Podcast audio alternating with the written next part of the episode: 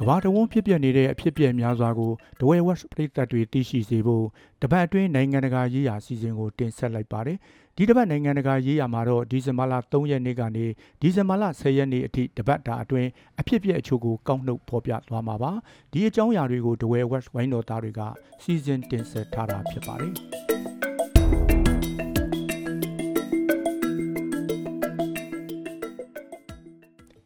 ပြည်သူနိုင်ငံမှာသမ္မတဟောင်းပီဒရိုကက်စတီလိုကိုထိမ့်သိမ်းခံခဲ့ရပြီးတဲ့နောက်ဒုတိယသမ္မတဒီနာဘိုဒူအာတာကဒီဇင်ဘာလ9ရက်မှာကျန်းသစ္စာကျိန်းဆိုခဲ့ပြီးပြည်သူနိုင်ငံရဲ့ပထမဆုံးအမျိုးသမီးသမ္မတဖြစ်လာခဲ့ပါတယ်။ သမ္မတအသစ်ဖြစ်လာတဲ့ဒီနာဘိုဘူအာတာဟာနိုင်ငံရေးအရာပဋိပက္ခတွေရပ်စဲဖို့တောင်းဆိုခဲ့ပြီး2026ခုနှစ်အထိသမ္မတအဖြစ်တာဝန်ယူရမှာဖြစ်ပါတယ်။ဖွဲ့စည်းအုပ်ချုပ်ပုံအခြေခံဥပဒေကိုဖောက်ဖျက်ခဲ့တယ်ဆိုပြီးပုံကံမှုပူပေါင်းကြံစည်မှုတို့နဲ့ဆွဆွဲခံထားရတဲ့သမ္မတပီဒရိုကက်စတီလိုကတော့ဒီဇင်ဘာလ9ရက်နေ့ကဖမ်းဆီးထိန်သိမ်းခံခဲ့ရပါတယ်။လွှတ်တော်အမတ်တွေကကက်စတီလိုရဲ့ လွှတ်တော်အသစ်ခေါ်ယူဖို့ကြိုးပမ်းမှုအပေါ်လှည့်လည်ရှုပြီးအရင်ကစီစဉ်ထားတဲ့ဆွဆွဲပြစ်တင်မှုဆိုင်ရာတရားခွင်အတိုင်းဆက်လက်ဆောင်ရွက်ခဲ့ကြပါတယ်။တရားလွှတ်တော်မှာသမ္မတကက်စတီလိုကိုဖယ်ရှားဖို့အတွက်ထောက်ခံမဲ့တရားတမဲကက်ွယ်မဲ6မဲနဲ့ဂျာနီမဲ10မဲနဲ့မဲခွဲဆုံးဖြတ်ခဲ့ကြတာပါယာထုကနေမဲပေးဖြုတ်ချခံခဲ့ရတဲ့ပြည်သူသမ္မတပီဒရိုကက်စတီရိုအပေါ်ထောက်ခံသူတွေနဲ့အဒီကယုံနှိမ်နင်းရဲတပ်ဖွဲ့တို့အကြားဒီဇင်ဘာလ9ရက်ကရုံရင်ဆန်ခတ်ဖြစ်ခဲ့ကြတာပါ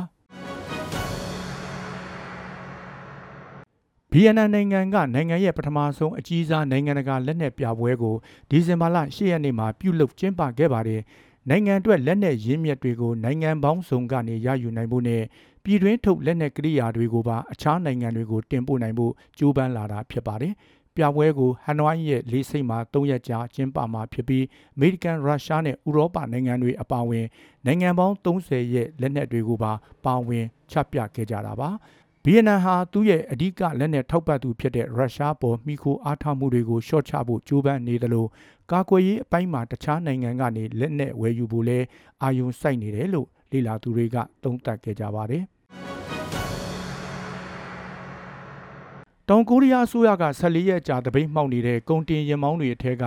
ကာဂိုထရက်ကားသမားထောင်ချီကိုအလုတ်ပြန်ဆင်းကြဖို့ဒီဇင်ဘာလ10ရက်နေ့မှာအမိန့်ထုတ်ပြန်လိုက်ပါတယ်။ ထောက်ပံ့ပို့ဆောင်ရေးနဲ့ကုန်စည်ပို့ဆောင်မှုနှောင့်နှေးရင်ထုတ်လုပ်မှုတွေကလည်းလာမယ့်သတင်းပတ်အကုန်မှာရပ်ဆိုင်းသွားမှာဖြစ်ကြောင်းစီးပွားရေးနဲ့ဗန္ဒာရေးဝန်ကြီးကဆိုထားပါတယ်။ပြီးခဲ့တဲ့အပတ်ကလည်းအစိုးရကဘီလက်မြေစက်ယုံရဲ့တပိတ်မှောက်ရင်မောင်း2500ကိုလမ်းပေါ်ပြန်တက်ခိုင်းပြီးအလုတ်ပြန်လို့ဖို့အမိန့်ထုတ်ခဲ့ပါသေးတယ်။လိုက်နာဖို့ပြက်ကွက်မယ်ဆိုရင်လိုင်စင်ဖြတ်သိမ်းတာထောင်ဒဏ်3နှစ်သို့မဟုတ်ဒဏ်ငွေ1သန်း30တိချမှတ်နိုင်တယ်လို့သိရပါတယ်။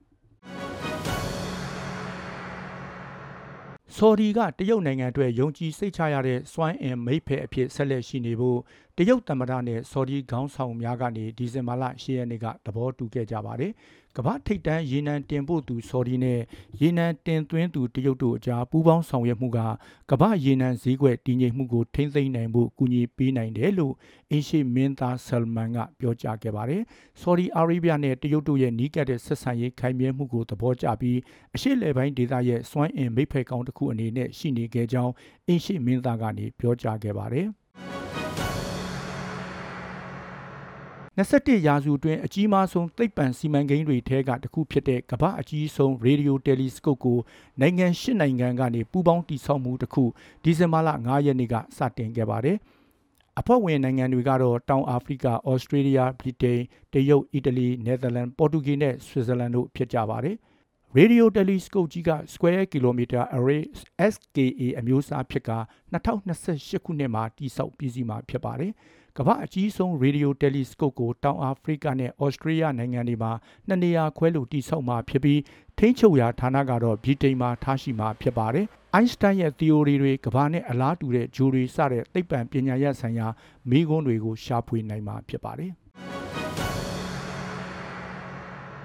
ထိုင်းမဂ္ဂဇင်းကနေယူကရိန်းသမ္မတဇလန်စကီကို 2022ခုနှစ်ရဲ့ဩဇာလွှမ်းမိုးမှုအကြီးမားဆုံးပုဂ္ဂိုလ်အဖြစ်ဒီဇင်ဘာလ9ရက်နေ့မှာဖော်ပြခဲ့ပါတယ်။ဇလန်စကီကယူကရိန်းပြည်သူတွေကိုစိတ်ဓာတ်တက်ကြွစေပြီးရုရှားရဲ့ထိုးစစ်တွေကိုတွန်းလှန်ရတဲ့တပ်တွေကြောင့်ကမ္ဘာလုံးဆိုင်ရာချီးကျူးဂုဏ်ပြုစုတွေစုခူးနိုင်ခဲ့တယ်လို့ထိုင်းမဂ္ဂဇင်းကနေရေးသားခဲ့တာပါရုရှားယူကရိန်းအရေးစတင်ချိန် KF ကနေထွက်ခွာဖို့ညှင်းဆိုခဲ့တဲ့ဇလန်စကီကမြို့တော်ကနေရုတ်တံထုတ်လွှက်ကလှုပ်ဆော်စည်းရုံးခဲ့ပြီးစစ်ဘေးတစ်နေတဲ့နေရာအနှံ့ကိုတွားရောက်အားပေးခဲ့တာကြောင့်အဆိုပါစုကိုရရှိခဲ့တာဖြစ်ပါတယ်အဆိုပါစုကို2021ခုနှစ်ကရရှိခဲ့သူကတော့ Tesla ပိုင်ရှင် Elon Musk ဖြစ်ပါတယ်အင်ဒိုနီးရှားလွှတ်တော်ကအိမ်ထောင်ဖက်မဟုတ်သူလက်မထရသေးတဲ့သူတွေနဲ့လိင်ဆက်ဆံခြင်းကိုတားမြစ်လိုက်တဲ့ရာဇဝတ်ဥပဒေတရက်ကိုဒီဇင်ဘာလ6ရက်နေ့မှာအတည်ပြုလိုက်ပါတယ်။ဥပဒေကိုအင်ဒိုနီးရှားနိုင်ငံသားတွေသာမဟုတ်ဘဲနိုင်ငံခြားသားတွေပါလိုက်နာရမှာဖြစ်ပြီးချိုးဖောက်ခဲ့ပါကထောင်ဒဏ်တစ်နှစ်အထိချမှတ်ခံရနိုင်တယ်လို့သိရပါတယ်။နိုင်ငံရေးလေလာသုံးသပ်သူတွေကတော့ထိုဥပဒေကဒီမိုကရေစီနိုင်ငံကြီးမှာလူမှုလွတ်လပ်ခွင့်ကိုထိခိုက်စေမဲ့ဥပဒေဆိုင်ရာအပြောင်းလဲတစ်ခုလို့ဆိုကြပါတယ်။စီးပွားရေးအဖွဲ့အစည်းတွေကလည်းအဲ့ဒီဥပဒေကြောင့်ခရီးသွားလုပ်ငန်းနဲ့ယင်းနှိမ့်မြုပ်နှံမှုဆိုင်ရာတွေမှာအင်ဒိုနီးရှားအပေါ်နိုင်ငံတကာအမြင်တွေထိခိုက်စေနိုင်တယ်လို့သတိပေးထားပါတယ်။ ကိုလံဘီယာနိုင်ငံအနောက်မြောက်ပိုင်းမှာရှိတဲ့လမ်းတစ်ခုမှာမြေပြိုကျလို့ဘတ်စကားတစ်စီးနဲ့အခြားညင်တွေပိတ်မိခဲ့ကြပြီးလူပေါင်း34ဦးထက်မနည်းသေဆုံးခဲ့တယ်လို့သမ္မတဂူစတာဘိုပီထရိုကပြောကြားခဲ့ပါတယ်။ ပွေဘရိုရီကိုမှာဒီဇင်ဘာလ၄ရက်နေ့ကဖြစ်ပွားခဲ့တဲ့မြေပြိုမှုမှာအရွယ်မရောက်သေးသူတွေအပါအဝင်လူတွေအသက်ဆုံးရှုံးခဲ့ရလို့ဝမ်းနည်းကြေကွဲရတယ်လို့သမ္မတက Twitter စာမျက်နှာမှာရေးသားခဲ့ပါတယ်။မြေပြိုမှုထဲကနေ9ဦးကိုကယ်ဆယ်နိုင်ခဲ့ပြီးအသက်ရှင်သူ2ဦးကတော့ကားသမားကမြေပြိုမှုကိုရှောင်တိန်စူးစမ်းခဲ့သေးတယ်လို့ပြောကြားခဲ့ပါတယ်။ခရီးသည်25ဦးလိုက်ပါလာခဲ့တဲ့အဆိုပါဘတ်စကားဟာကာလီမျိုးကနေထွက်ခွာလာခဲ့တာဖြစ်တယ်လို့အရက်ဘက်ကာကွယ်ရေးအရာရှိတွေကပြောကြားခဲ့ပါတယ်။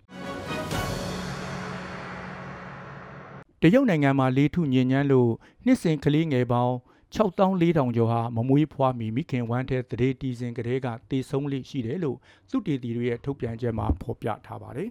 ။တေဆုံးရတဲ့အဓိကတရားခံကတော့ရုပ်ကျွင်းလောင်စာတွေလောင်ကျွမ်းရာကနေထွက်ပေါ်လာတဲ့1.5မိုက်ခရွန် PM 2.5ထဲတင်းငယ်တဲ့အမုံမွှားတွေကြောင့်လို့ဆိုထားပါတယ်။ လွန်ခဲ့တဲ့နှစ်ကတည်းကလေထုညဉ့်ညမ်းမှုကိုထိန်းချုပ်ဖို့ပေကျင်းအစိုးရကကြိုးစားပြီးမြဲတေဆုံးသူအရေးအတွက်ကမထင်မှတ်ထားလောက်အောင်များပြားနေတာဖြစ်ပါတယ်။တရေတီစင်ကလေးကတေဆုံးမှုဖြစ်ပွားနေတဲ့နိုင်ငံအလုံးကိုလေ့လာစစ်စစ်ကြည့်တဲ့အခါတရုတ်နိုင်ငံက PM 255ကြောင့်တရေသားတေဆုံးမှုမှာသရုပ်ထအများဆုံးနေရာမှာရပ်တည်နေတယ်လို့သိပ္ပံကြားနယ်တစ်ခုကဖော်ပြထားပါတယ်။အထက်တန်းကျောင်းကနေဘွဲရပြီးတစ်နှစ်မပြည့်ခင်မှာပဲ ဂျေလန်စမစ်လို့ခေါ်တဲ့18နှစ်သားတဦးကတော့အာကန်ဆောပြည်နယ်ကအယ်မြို့ရဲ့မြို့တော်ဝန်တဲ့ဖြစ်ရွေးချယ်ခံလိုက်ရပါတယ်။ဒီမိုကရက်တစ်တဦးဖြစ်တဲ့ဂျေလန်ကလူဦးရေ1830ဦးရှိတဲ့အယ်မြို့ရဲ့မြို့တော်ဝန်အဖြစ်ဒီဇင်ဘာလ6ရက်နေ့ကရွေးကောက်ခံခဲ့ရတာပါ။ဂျေလန်ဟာကျောင်းတက်စဉ်က Student Government Association မှာပါဝင်ရင်းသူ့ရဲ့လူအတိုင်းအဝိုင်းတွေတာဝန်ထမ်းဆောင်ခြင်းစိတ်တွေဖြစ်လာခဲ့တယ်လို့ဆိုပါတယ်။ သူကစွတ်ပြက်နေအိမ်တွေကိုဖယ်ရှားပြီးမြို့ကိုပြန်လည်တိဆောက်ခြင်းကြောင့်ရဲစခန်းကိုလည်း24နာရီလုံးလဲပတ်စေခြင်းကလူငယ်တွေအတွက်အလုတ်ကင်တွေဖန်တီးပေးခြင်းတယ်လို့ဆိုပါတယ်။ဂျေလန်ကပြင်ဆင်စရာရှိတာပြင်ဆင်ဖို့အတွက်အာကန်ဆောပြည်နယ်တဝမ်းကမြို့တော်ဝန်တွေနဲ့လည်းတိုင်ပင်ခဲ့ပြီးလာမယ့်ဇန်နဝါရီလပထမပတ်တွင်ဂျေလန်ဟာကျန်းသစ္စာကျိန်ဆိုရမှာဖြစ်ပါတယ်။ ပရိသတ်ပေါင်းတို့စေရောကိုပါကျမ်းမာချမ်းသာကြပါစေကြောင်းနဲ့ကပ်ဘေးအမျိုးမျိုးကနေအမြန်ဆုံးလွတ်မြောက်ကြပါစေကြောင်းဒဝဲဝက်ဝိုင်းတော်သားတွေကစုမုံကောင်းတောင်းပန်ပါတယ်။နောက်ပတ်မှာလည်းနိုင်ငံတကာရေးရာအစီအစဉ်ကိုစောင့်မျှော်အားပေးကြပါဦးခင်ဗျာ။